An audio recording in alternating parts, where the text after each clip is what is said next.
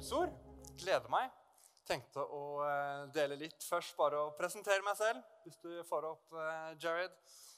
Har gått i den kjerka her nå i hva blir det, 15 år. And counting. Helt nydelig. Elsker det. Det er så godt å være planta et sted. Um, og bare veldig kjapt, Jeg heter Aron, for den som ikke kjenner meg. To meter høy, 52 i sko. Alle disse vanlige spørsmålene som alle har med en gang. Liten familie som jeg er glad i, og så elsker jeg å bygge kirke. Jeg er så begeistra for at vi kan få møtes her og eh, dele Guds ord sammen i dag. Jeg ville bare dele litt om eh, hvordan uka mi også har vært. Først Var det noen som var her forrige uke, eller? hørte Kristoffer bare en maktdemonstrasjon av en undervisning og hva menighet er. Wow, Kristoffer! Det var så herlig! Det var, var mektig. Det var bare åh, Jeg, jeg gleda meg sånn. Det var så deilig. Og, og, og, det var litt morsomt, fordi det eneste jeg liksom sa til deg i etterkant, som jeg tulla litt med For han, han beklaga seg i starten. Han sa liksom, eller beklaga, du, du nevnte i hvert fall at dette er liksom et tema som han ikke er så komfortabel med, kanskje, eller ikke har prekt så mye om. Og jeg bare liksom Det merka ingen. Ikke sant? Så jeg tulla litt med at det hadde du ikke trengt å, å nevne. Og så Grunnen til at jeg nevner det, er egentlig bare fordi at jeg skal, jeg skal liksom gå inn i en beklagelse selv nå helt i starten. Jeg husker Stefan, første året mitt på TVBMI. Vi var i Salemkirken oppe på Løkka. Og så skulle vi ha sånne små preachinger hver og en av oss. Og da var det en av mine medstudenter som liksom, det første hun sa, var å liksom jeg Beklager, jeg har ikke hatt så mye tid til å uh, forberede meg, men, uh, men here it goes. Jeg husker Stefan vet du, kom med visdom og bare Det trenger man ikke å si. Det, det, det, det er ikke nødvendigvis noen som merker det. Så det er bare sånn uviktig, uviktig input der. Bare gå rett på, liksom. Jeg husker det, det merka meg så veldig. Så da er det jo ironisk da, at jeg skal uh, starte med å gjøre det nå selv. Jeg liker beklagelse, men jeg skal bare å forklare litt hvordan jeg ble spurt om å holde denne talen. For den datoen her, 5.12., torsdag, det var dagen jeg ble spurt om jeg kunne preke i dag. Tre dager siden. Eh, egentlig så ble jeg spurt om jeg kunne preke neste søndag. Det kunne jeg ikke, for da er jeg i Kolben. Da kom det en hyggelig melding inn. 'Kan du preke nå på søndag?' 'Vi har så lyst til at du skal preke.' Og så kom det en liten Ja, ikke sant? Herlig! Så herlig! Jeg er så begeistra for å bli spurt. Og så kom det en sånn nydelig hale litt sånn eh, et par sekunder etterpå. Men en full forståelse hvis det ikke er nok tid, eller hvis du liksom er litt brått på. Og det var akkurat det jeg tenkte. Ja, det kommer litt brått på. Det, tre dager, det går ikke. Sorry, Mac. Eh, jeg trenger mer tid på å forberede meg, rett og slett, for det er sånn jeg er skrudd sammen. Så jeg holdt egentlig på å svare at beklager, det blir litt knapt. Og så slo det meg altså, men kan du ikke bare gutse litt, da? Kan du ikke bare, du ikke bare, liksom, bare dytte bort alle avtaler og bare liksom go for it og lage en ny preaching? og liksom, Tre dager trenger man liksom mer tid til det. og liksom Være rede i tide og utide. og ikke sant? Ja, men ok, men La oss utfordre oss selv litt. Vi, vi får det til på et vis. Ok, ny melding. Ja, det går fint. Sendte den ikke ennå. Jeg sendte den ikke. Og så vingla jeg tilbake igjen og bare kom på at ja, men stemmer det. Det er tre dager. Jeg har jo masse andre avtaler jeg ikke bare kan av lyset for å kunne preke. Jeg er jo glad i å forberede meg. Jeg er ikke en sånn som bare kan gå opp og snakke i 40 minutter om noe sånn bare ut av hjertet. Jeg liker å forberede meg. Jeg liker å ha noen uker kanskje, og kunne liksom grunne på stoffet, forberede meg i bønn, eh, analysere stoffet. Har jeg fått med meg alt? Er dette riktig? Er det potensielle fallgruver? Liksom, det er bare sånn jeg er skrudd sammen. Har en kompis. Han kan bare på strak arm preke. Helt nydelig, fantastisk gave. Han bare Helt unik. Han bare bable i en halvtime om et eller annet han får uh, beskjed om å preke om. Helt nydelig. Sånn er ikke jeg. Og så har jeg en annen kompis, Joakim Skavern. Han lager prekenene sine ordrett. Han bruker tid, og så lager han et manus. Ord for ord. Så pugger han det, og så holder han det. Og så er det herlig salvede prekener. Så det er på en måte to sånne ytterpunkter på et vis. Da. Jeg er sånn nydelig litt, litt, sånn i midten. Liker å forberede meg eh, for å være forberedt.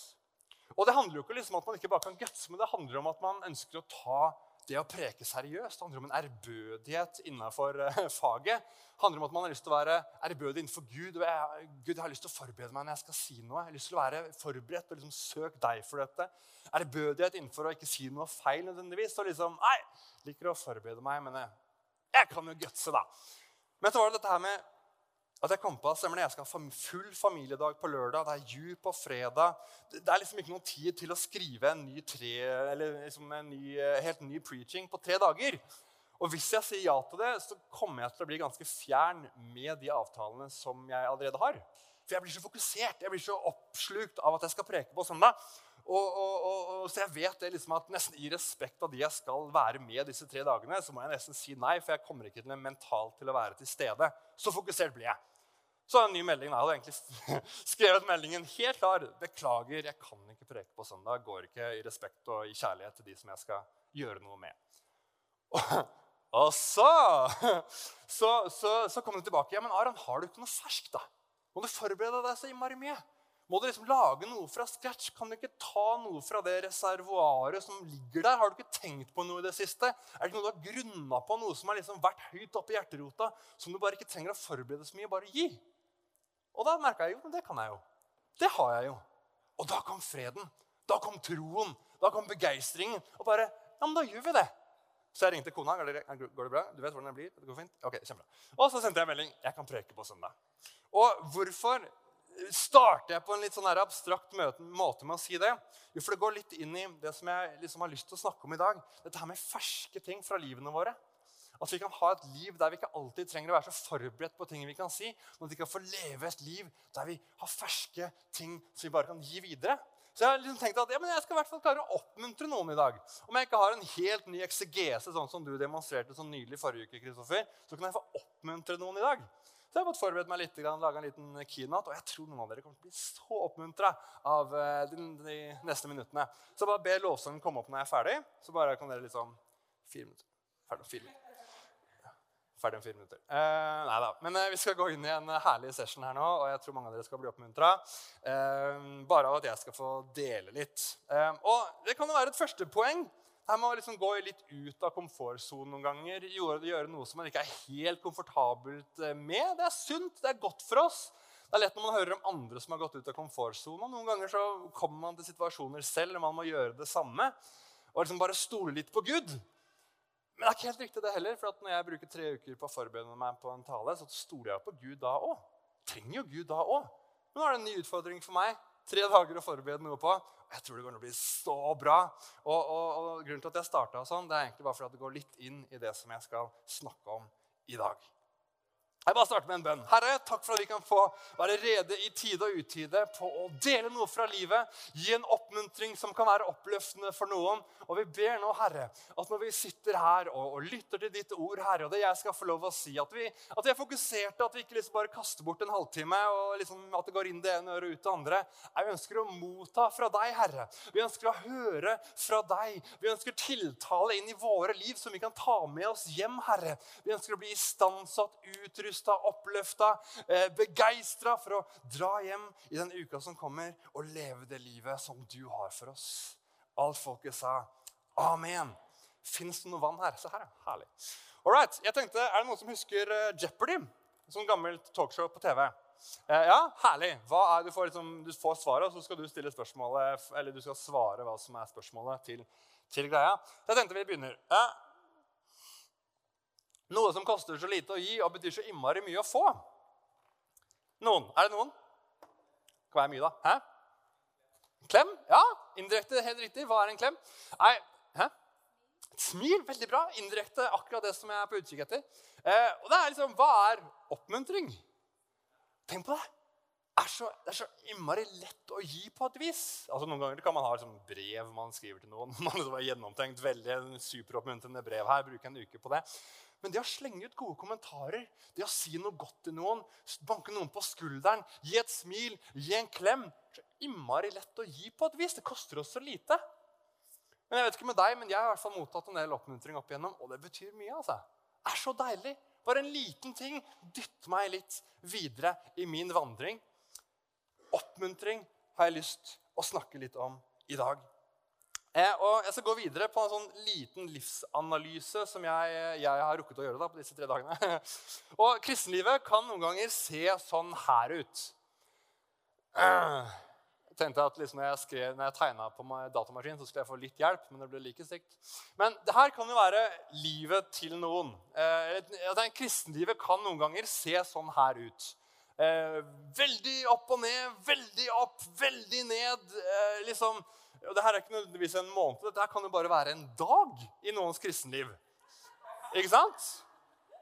Eh, og, og, jeg tenker litt sånn at hvis dette her er liksom, dette er hver dag for meg åndelig sett i min liv med Gud Det går opp, og så går jeg ned i synd, og så går jeg opp, og så går jeg ned i synd, nær til Gud, fjernt fra Gud. Så må vi begynne å stille noen spørsmål. Da må vi begynne, ok, da må vi liksom gå back to basic. Hvis det er så vinglete, så opp og ned hver dag, da må vi begynne liksom, ok, da, da er det noe som ikke er helt riktig. kanskje, Noe som ikke er helt på plass. La oss liksom stille noen gode spørsmål. Hvordan er det med relasjonen til Jesus? Hvordan er det med det daglige med Jesus? Hvordan står det til med, med bønnen i livet ditt? Hvordan står det til med bibellesningen og samværet med Gud på den måten? Hvordan står det til med eh, engasjement i menighet og møte med de andre kristne? Hvordan står det til? Er dette på plass? Og, og, som bare tre ting jeg tenkte å nevne, som kan være sånne elementære liksom, eh, steiner, eller hjørnesteiner, om du vil, i kristenlivet vårt. Er de på plass? Hvis de ikke er det, så kan livet bli veldig svingete. Og det kan jo være at de færreste av oss har det sånn. Men jeg tror kanskje flere av oss har det litt mer sånn som dette her. Jevnt over ganske bra. Jevnt over så lever man tett på Gud. Bibelen er på plass, leses, leses jevnlig. Man, man, ber jevnlig, har en nærhet til Gud. Man, man går i kirken, disippelgruppe, samvær med andre kristne. Så går, så går det ganske jevnt. Høyjevnt over høyt oppe.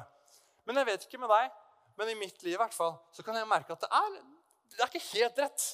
Går litt ned, litt opp, litt ned, litt opp. Litt ned og så litt opp. Litt sånn bortover. Det er herlig. Men det er der jeg tror oppmuntring kommer inn i livene våre. Det er de små bølgene i det jevnt over jevne som jeg tenker oppmuntring kan få lov å komme inn og være sånne eh, små push som dytter oss videre opp, sånn at vi ikke får disse innmarige svingningene. Bli med meg til hebreerbrevet.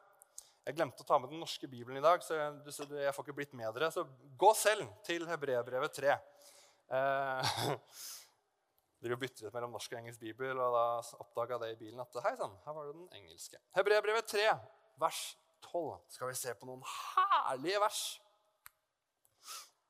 som snakker om dette med oppmuntring. Ah, jeg tror noen kommer til å bli oppmuntra her i dag. Kanskje noen er det allerede.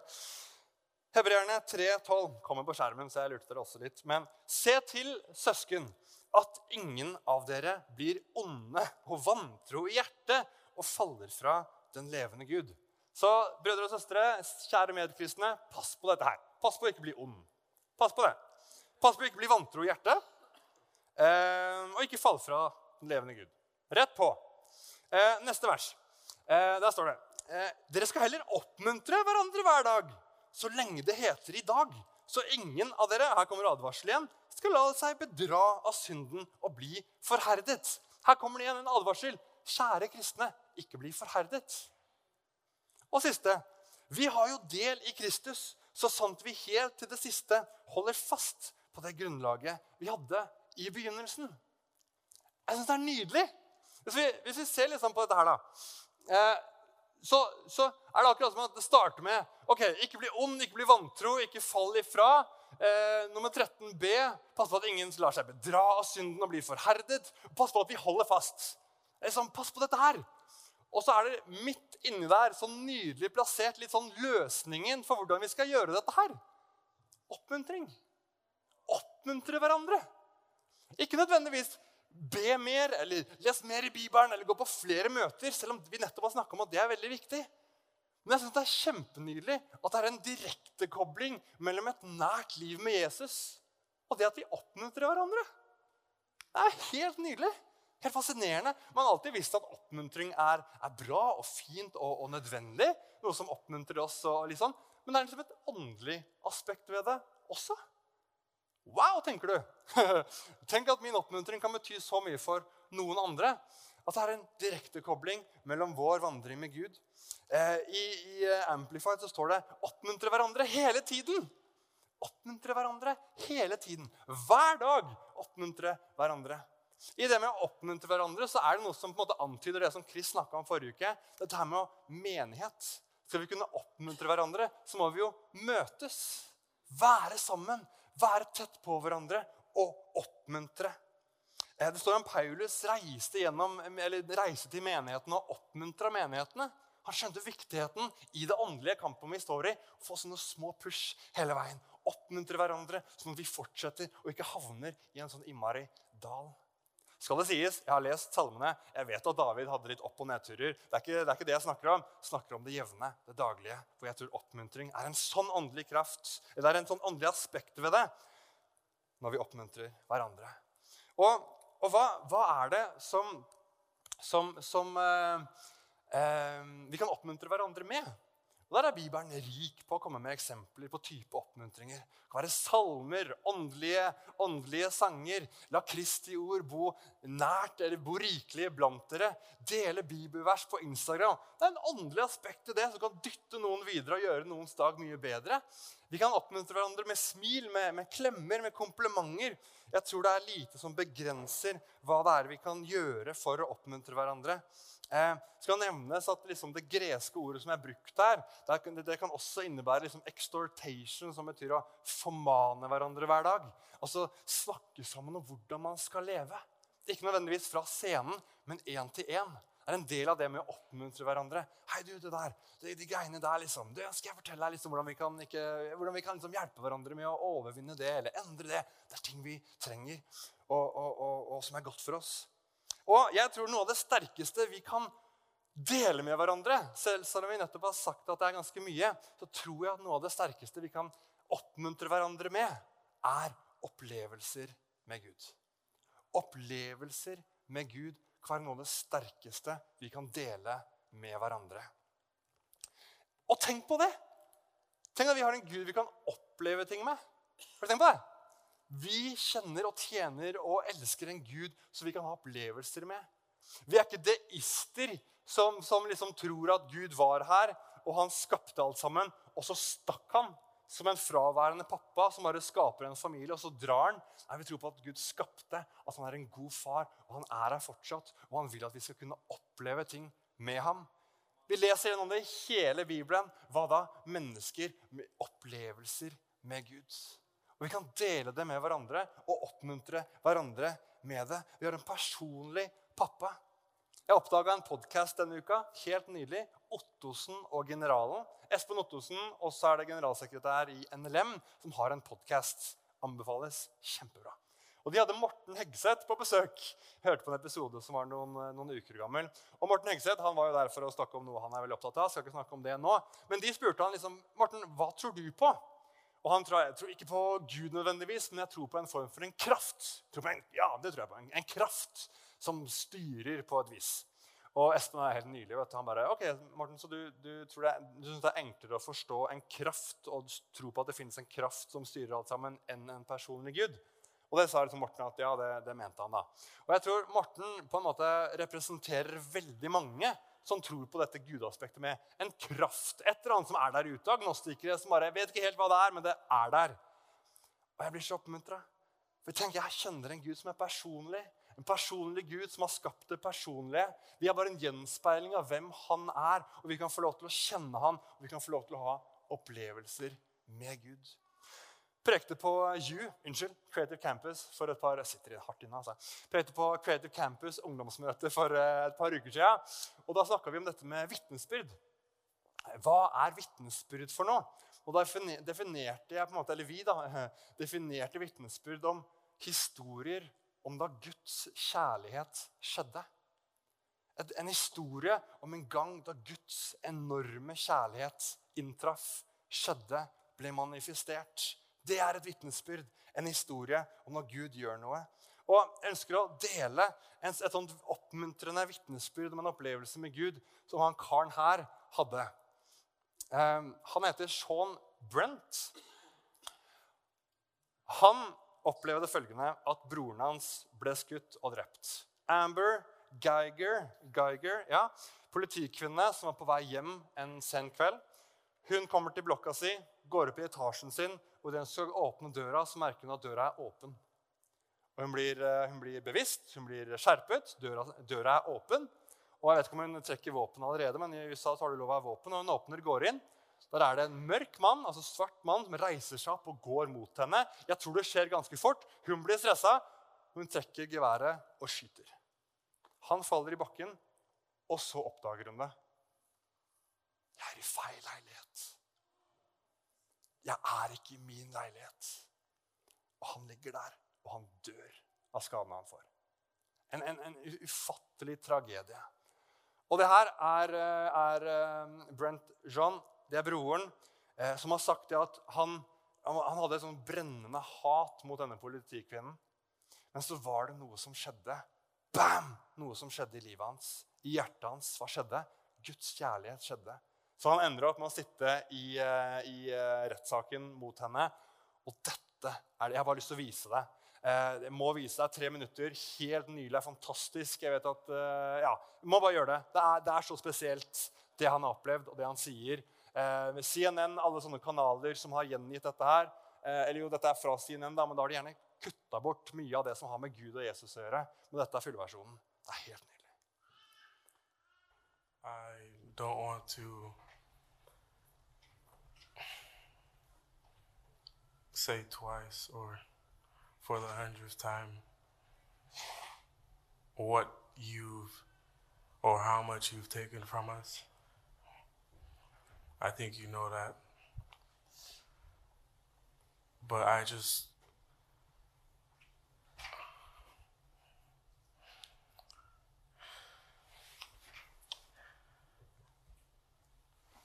I hope you go to God with all what, all the guilt,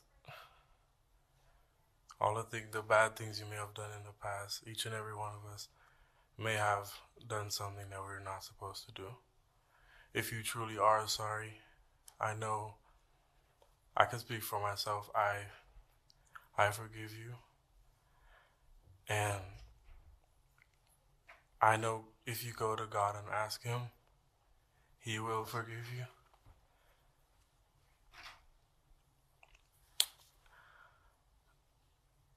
And I don't think anyone could say it.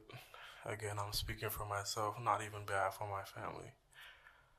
But I love you just like anyone else. And I'm not gonna say I hope you rot and die just like my brother did, but I see I I personally want the best for you. And I, I wasn't gonna ever say this in front of my family or anyone, but I don't even want you to go to jail. I want the best for you. Because I know that's what that's exactly what both of them would want you to do. And the best would be give your life to Christ. I'm not gonna say anything else.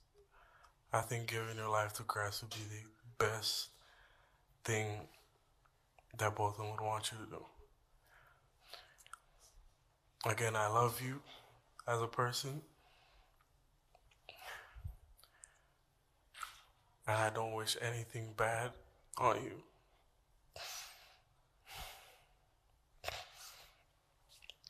I don't know if this is possible, but can, can I give her a hug, please? Please? Yes.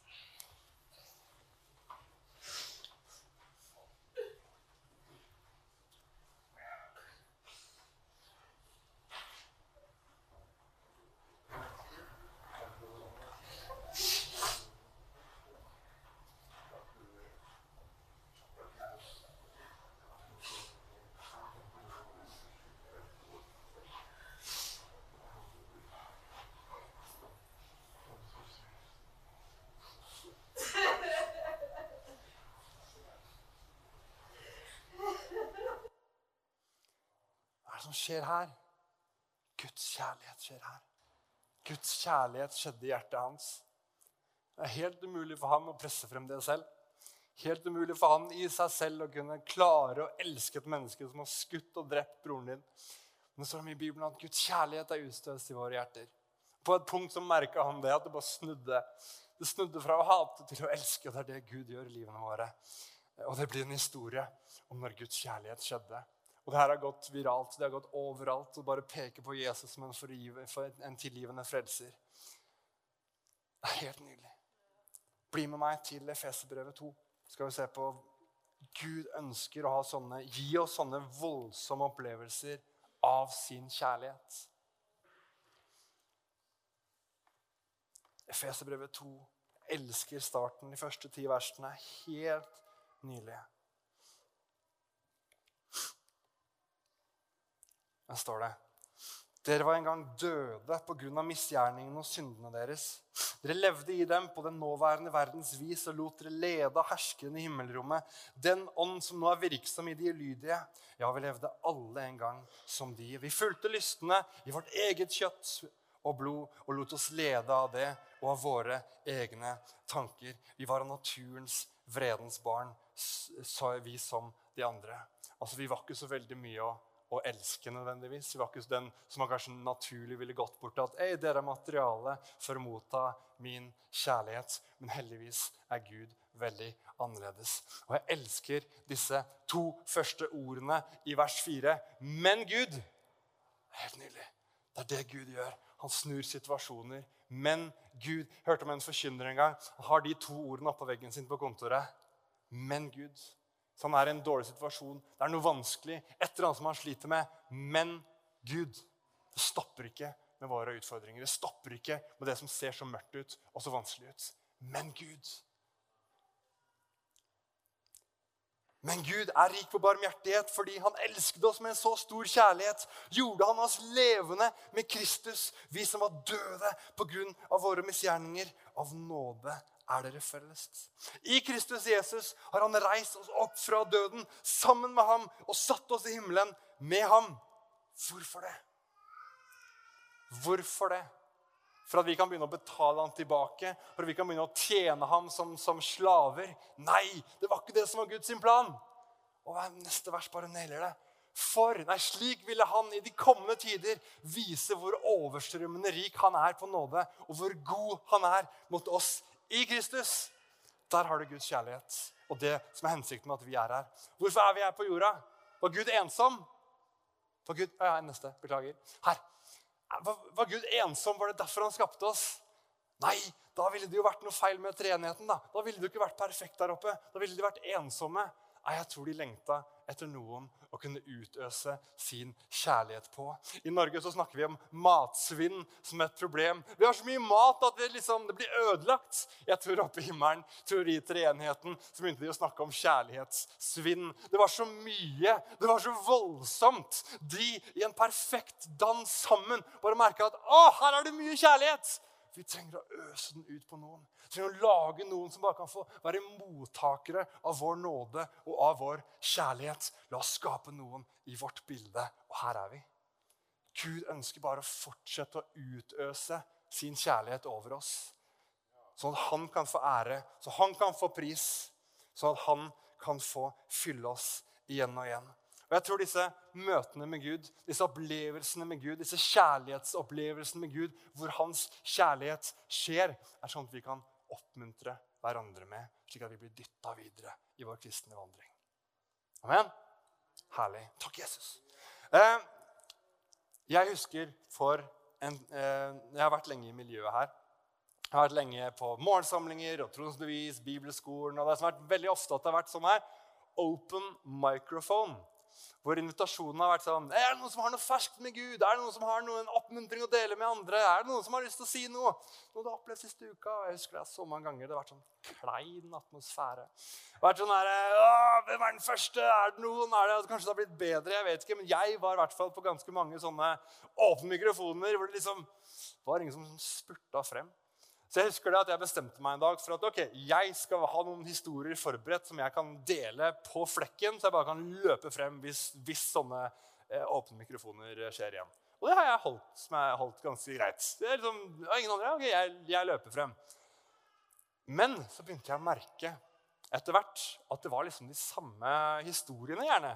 Det var sånn Den gangen back there, og så var det den konferansen hvor jeg hadde sånn gråtestund med Gud på det siste lørdagsmøtet. Og så var det det bønnesvaret for tre år siden. Liksom de faste historiene jeg gjerne dro frem når jeg skulle oppmuntre noen. ikke sant? Og jeg begynte å tenke litt på det. da.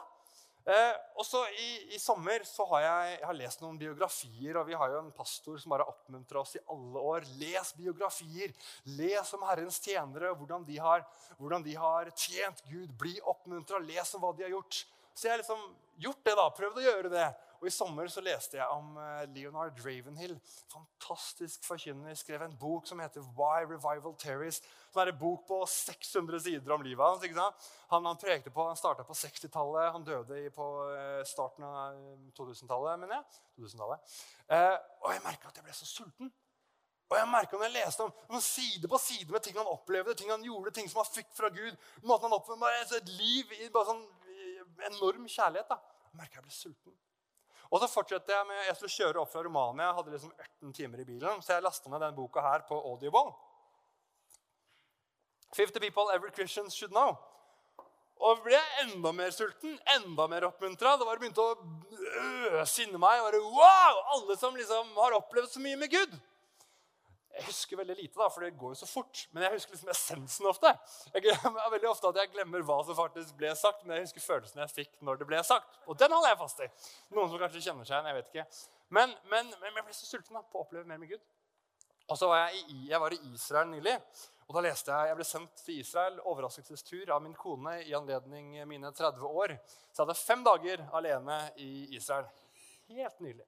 Eh, men da leste jeg en bok eh, av A.W. Tozer som heter 'The Pursuit of God'.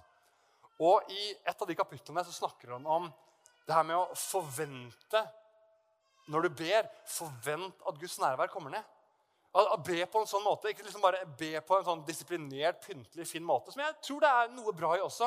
Men han utfordra på det at når vi ber, så er det lov til å forvente at Guds nærvær skal komme i det rommet du står. Be på en sånn måte der det er en forventning om at Gud i himmelen Jeg ønsker at du skal være så personlig som jeg gjerne sier til andre at du er. Like personlig som kona, like personlig som barna. Be om at Guds nærvær skal komme. Og jeg merka jeg ble sulten. Og jeg begynte å be. Ble sulten, og jeg begynte å be om at ja, Gud, jeg vil ikke leve på tidligere opplevelser med deg. Jeg vil ikke alltid dra frem de og de historiene. Jeg ønsker at det skal være ferskt. Jeg ønsker at livet mitt skal være bare en remse av ferske, juicy opplevelser med den levende Gud. Sånn at jeg ikke liksom alltid forteller om det som skjedde for lenge siden, men jeg kan fortelle om det som skjedde denne uka. Kjære Gud, er det for mye å be om? Er det for mye å forvente av oss? Det høres ut som at jeg har liksom levd som frafallen de siste åra. Og liksom nå i sommer så bare boosta det. Nei da. Men jeg tror noen ganger at vi kan, liksom, vi, vi kan lese Bibelen, og det er bra. Vi har jevne liv. Vi, vi, vi har ikke noe tvil i hjertet. Vi, ber. Vi, går på møter og disippelgruppe. Vi lever ikke umoralskt. Men så kanskje stopper man der. Og så kanskje blir det ikke noen sånn, sånne, sånne personlige møter eller ganger hvor du bare Bam! Hva skjedde nå? Guds kjærlighet skjedde nå. Wow, dette kan jeg fortelle til noen. Eh, og jeg begynte å be Gud. Jeg har lyst på flere sånne historier. Jeg har lyst på sånne opplevelser med deg som er bra for meg, som gir deg ære, og som jeg kan dele med andre. Jeg ønsker at det skal være ferskt i mitt liv. Så jeg ba det, og, og, og da begynte det å skje ting. Og det har vært så herlig å kunne, kunne merke det at når jeg begynte å be det denne høsten, så har det skjedd masse greier. Ikke sånn tusenvis har blitt frelst, eller lamma har gått opp fra rullestol. Jeg ber om det òg. Vi kommer dit.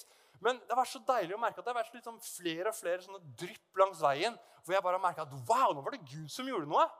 Wow! Så oppmuntra! Så deilig! Og jeg tenkte nå, ja, vi har tid. Jeg tenkte å dele noen historier. Kan jeg det? Det, det var litt sånn som jeg starta med i dag. Startet med, litt liksom, Grunnen til at jeg delte alt det der med resonnementet mitt. For at jo, jeg har jo disse historiene. Det er det jeg har bedt om.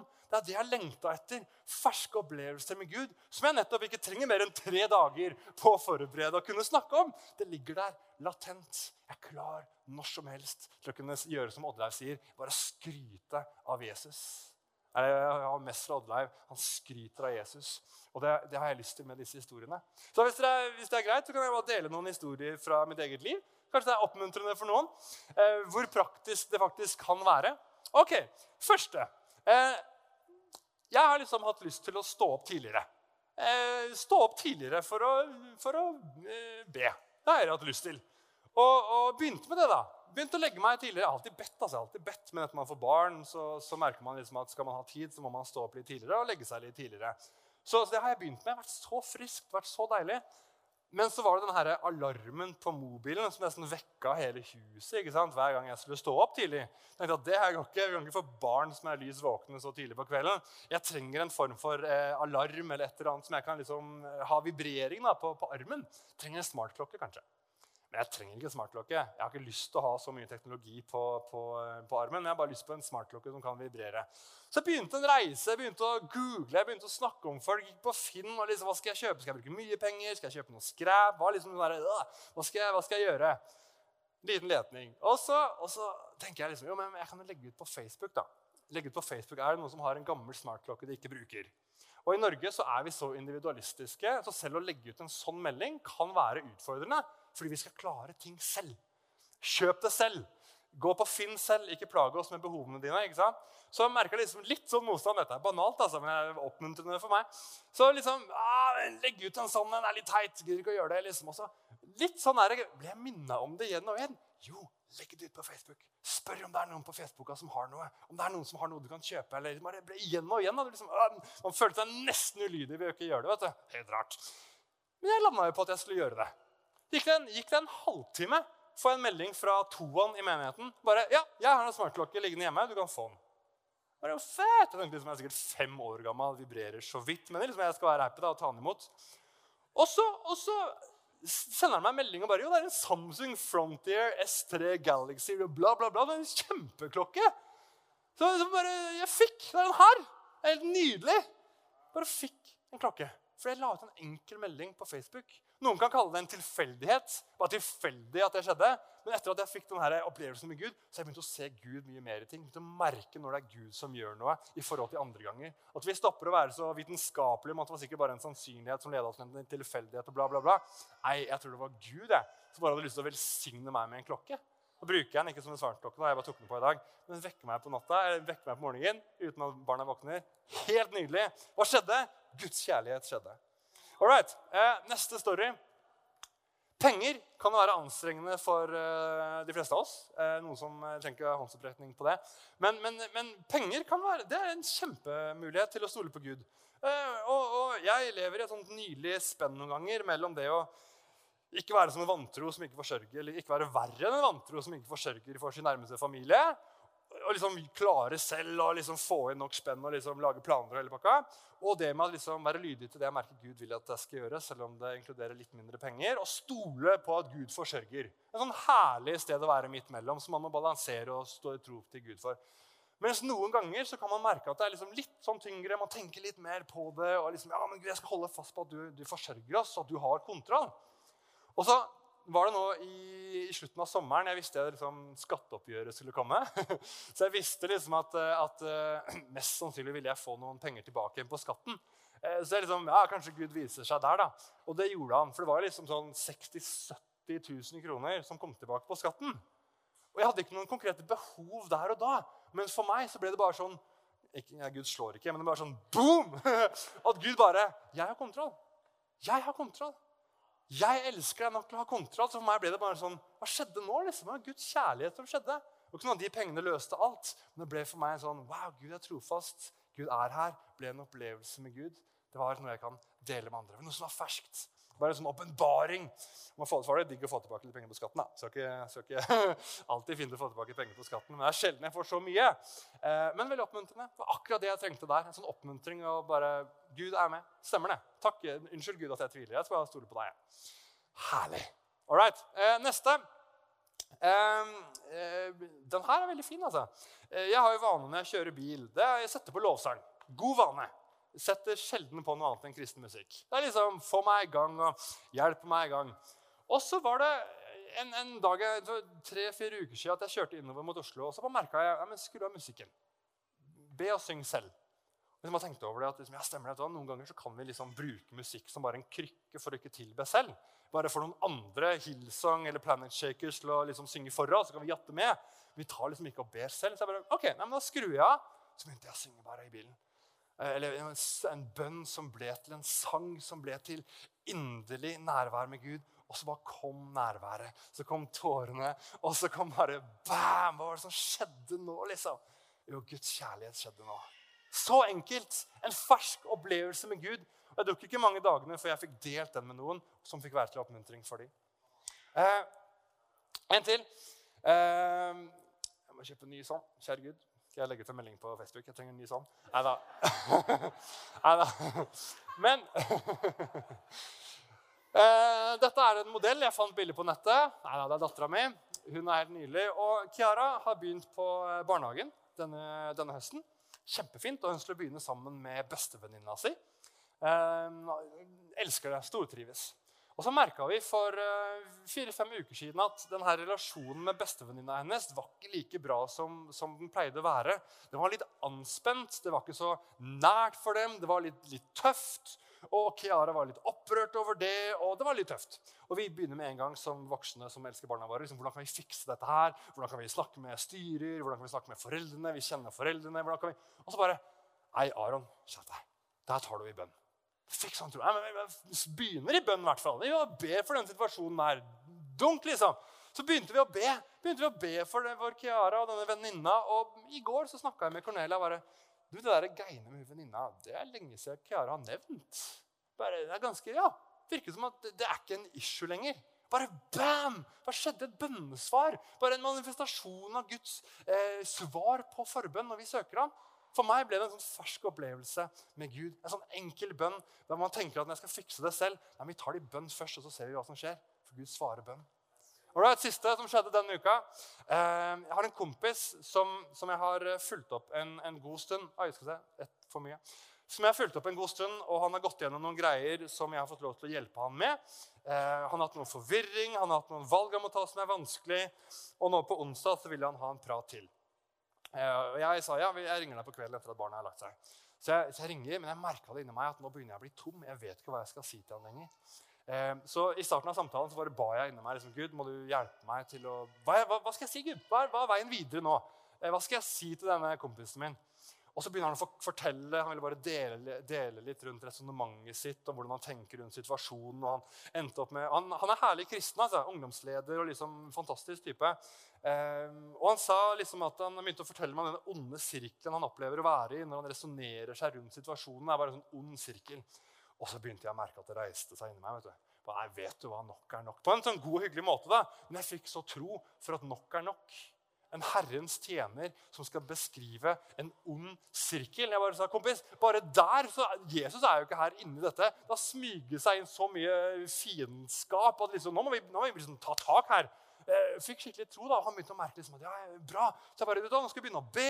Kanskje du skal be litt mer enn du pleier. Vet du hva, det bare løser vi. Hvis vi tror på den guden vi tjener, så er det en gud som gir oss visdom når vi mangler det. når vi spør ham om det. Hvis vi er usikre, kan vi søke han. Vi leser det gjennom hele Bibelen. At Guds folk har søkt Gud. Da har de fått den visdommen de trenger for å vite hva de skal gjøre. Så jeg bare oppmuntrer han. Bare fylte han med tro. Han merka det selv. og bare, Aron, dette var det jeg trengte, sa han. Dette var det jeg trengte nå for å komme videre. Nå, og jeg, jeg, kom jo ikke med noen løsning, jeg kom bare med, med, hva han burde gjøre. Og Vi fikk så tro begge to at han skulle begynne å bare si Gud, nok er nok. Det er for dumt at den herren senere skal gå rundt i bare sånn forvirring og ikke vite hva han skal gjøre. Sendte han melding i går. da. Du, hvordan går det? Han bare er så nytt. Det er så ferskt. Ikke, er ikke helt i mål lenger. Men han sa at eh, den søken han etter Gud og den løsningen var, eh, det var en fred han ikke hadde kjent på lenge. Jeg bare takker Jesus. Det er så herlig, det er så deilig når Gud bare får komme inn med sin, eh, sin løsning. Bare, du bare står der Hva er det som skjedde nå, liksom? Guds kjærlighet skjedde.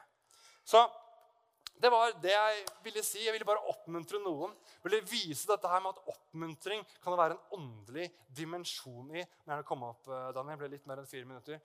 Det å oppmuntre hverandre er så viktig. Vi må være flinke på det. Og jeg må bare si da, i menigheten her, vi er veldig flinke på det. Det er en fantastisk menighet å være i. Vi er flinke til å smile, oppmuntre, si hyggelige ting. Men, men det er fint for oss å være det bevisst. Hva er det beste vi kan dele, kanskje?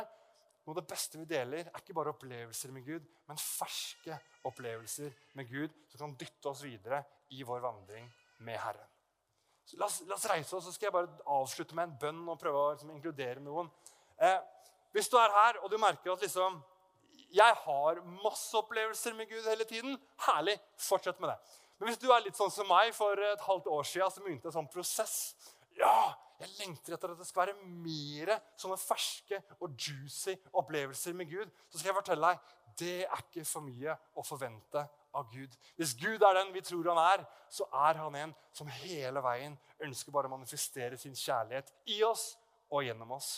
Og Da har jeg lyst til å be en bønn eh, for oss, på vegne av oss. Hvis det er deg som bare Ja, jeg har lyst til å gå inn i en periode hvor jeg bare merker at Gud bruker meg, gjør ting, sånne ting som blir en oppmuntring i mitt liv til å pushe meg videre.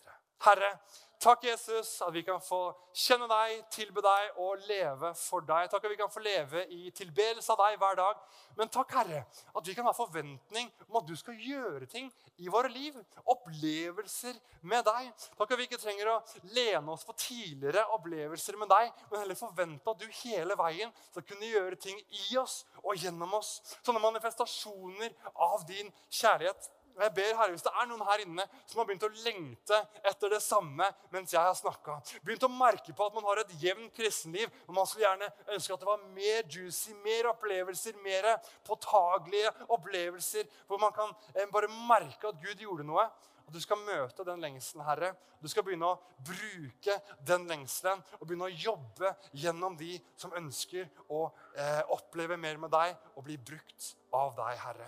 Og Takk at vi kan få være et folk som er oppmuntret av deg og spre de opplevelsene vi har med deg rundt om, til mennesker rundt oss og til din ære. Jesu navn. Amen.